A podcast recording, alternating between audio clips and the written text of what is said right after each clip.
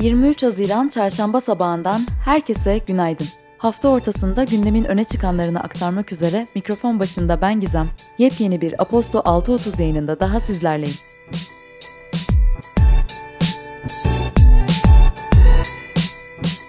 Bugünün bülteni Baht Design Studio destekleriyle ulaşıyor. Marka kimliği, web sitesi ve sunum tasarımları odaklı bir tasarım stüdyosu olan Baht, metro metaforu üzerinden girişimler, şirketler ve işletmelerin marka yolculuğuna rehberlik edecek bir yol haritası yayımladı. Ayrıntılar bültenimizde diyorum ve 23 Haziran Çarşamba gününde gündemin öne çıkan başlıklarını aktarıyorum. Piyasalar ve ekonomi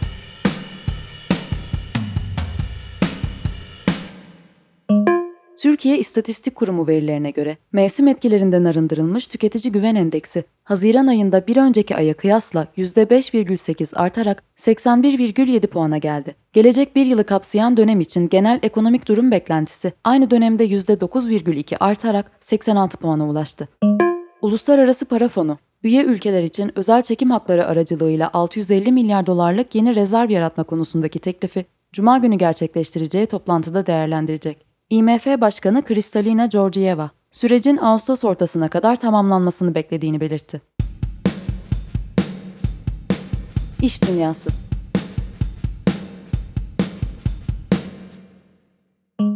Getir, Birleşik Krallık ve Hollanda'dan sonra iki Avrupa ülkesinde daha hizmete geçtiğini duyurdu. 16 Haziran'da Berlin'de, 21 Haziran'da Paris'te faaliyete başlayan şirketin kurucu ortağı Tuncay Tütek, giriş yaptığımız ülkelerde sahip olduğumuz bilgi birikimi ve teknolojik altyapımızla operasyonumuzu hızla büyütebilme kabiliyetine sahibiz ifadelerini kullandı.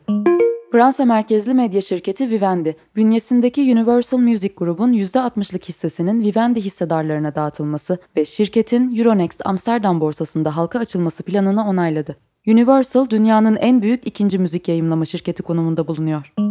Nokia, Ocak ayından itibaren çalışanlarının haftada 3 güne kadar uzaktan çalışmayı seçebileceklerini açıkladı. Kararla ilgili konuşan Nokia CEO'su, pandeminin şirketleri değişime zorladığını, teknolojinin yenilikçi yaklaşımlara imkan sağladığını ve çoğu durumda sonuçların eskiye dönmek için fazla iyi olduğunu ifade etti.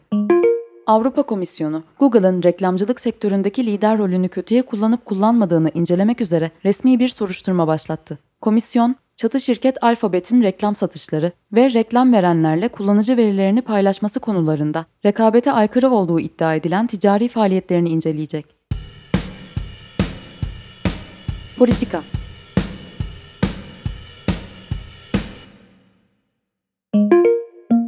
Şişli Kaymakamlığı, Maçka Parkı'nda dün yapılması planlanan LGBTİ Onur Haftası pikniğini yasakladı. İlçede Onur Haftası kapsamında düzenlenecek etkinliklere kamu düzeni gerekçesiyle 30 gün yasak getirildi.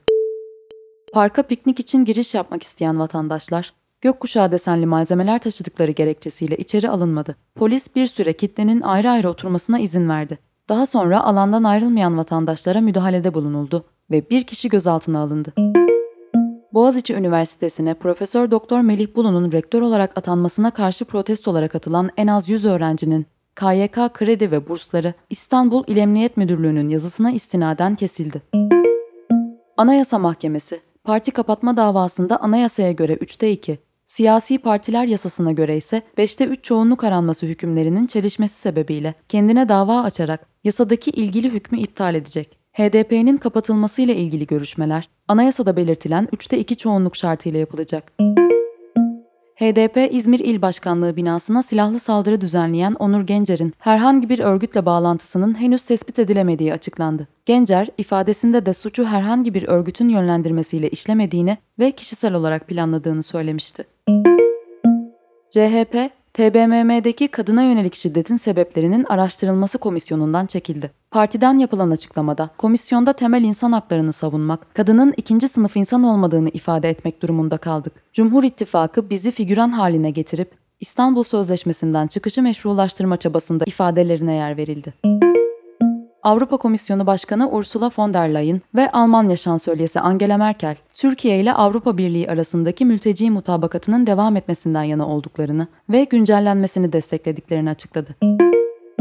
ABD Savunma Bakanlığı, Türkiye'nin ABD'nin Afganistan'dan çekilmesinin ardından ülkede Kabil Havalimanı'nın güvenliğinde öncü rol oynamayı kabul ettiğini açıkladı. Açıklamada detaylar üzerinde çalışıldığı, daha yapılması gereken çok iş olduğu ifade edildi. İspanya'da hükümet 2017'deki tek taraflı bağımsızlık ilan etme girişimi gerekçesiyle 2019'da hapis cezasına çarptırılan 9 Katalan ayrılıkçı lideri resmi olarak affetti. Hükümet kararın Katalonya'da gerilimi azaltacağını savunurken muhalefet partileri kararı temize taşıyacaklarını açıkladı. Teknoloji ve Startup Londra Belediye Başkanı Sadık Kağan, 2024'ün sonuna kadar şehrin metro ağındaki tüm istasyon ve tünellerin mobil şebeke kapsama alanına dahil olacağını açıkladı. Zoom'un yeni özelliğiyle kullanıcılar, cinsiyet zamirlerine profillerinde yer verebilecek ve bunları toplantı sırasında karşı tarafla paylaşmayı ya da paylaşmamayı tercih edebilecek. TikTok, kullanıcıların farklı uygulamaların bağlantılarını videolarına eklemelerini ve böylece ilgili butona tıklandığında uygulamanın belli bir sayfasının TikTok içinde açılmasını sağlayan bir özellik duyurdu. Şu anda seçili bir grup içerik üreticisinin test ettiği Jumps isimli özellik testlerden sonra tüm kullanıcılara sunulacak. Spor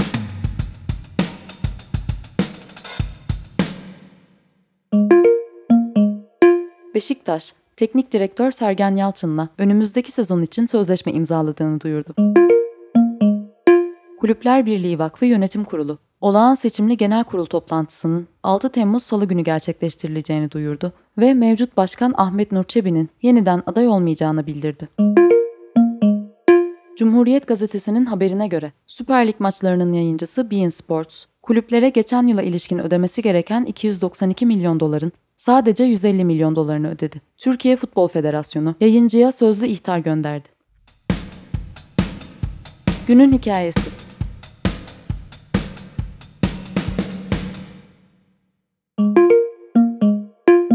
Bugünkü bültende sizleri karşılayacak olan günün hikayesi başlığı altında Nurefşan Kutlu'nun sizler için hazırladığı Bitcoin rallisi sona erdi başlıklı yazı kendisine yer buluyor. Yazının bir kısmını şimdi sizlerle paylaşmak istiyorum. Bitcoin, Çin hükümeti başta olmak üzere farklı ülkelerin düzenleyici kurumlarından gelen sert açıklamalar, regülasyon çağrıları ve yasaklar sonucunda Ocak ayından bu yana ilk kez 30 bin dolar seviyesinin altına düştü. Bitcoin geçtiğimiz Nisan ayında 65 bin dolara yaklaşarak tüm zamanların en yüksek seviyesine ulaşmıştı. Nisan ayından bu yana ise Çin başta olmak üzere Türkiye, İran ve ABD gibi kripto para yatırımlarının yoğun olduğu ülkelerde düzenleyici kurumlar, kripto para piyasalarına yönelik çeşitli kısıtlamalar getirmeye başladı. Türkiye, Nisan ayında yayımladığı bir yönetmelikle kripto varlıkların ödemelerde doğrudan veya dolaylı olarak kullanılmasını yasakladı. ABD Hazine Bakanlığı, 10 bin doların üzerindeki kripto para transferlerinin vergi dairesine bildirilmesini talep edeceğini duyurdu. Yazının tamamına dilerseniz bültenimizden ulaşabilirsiniz.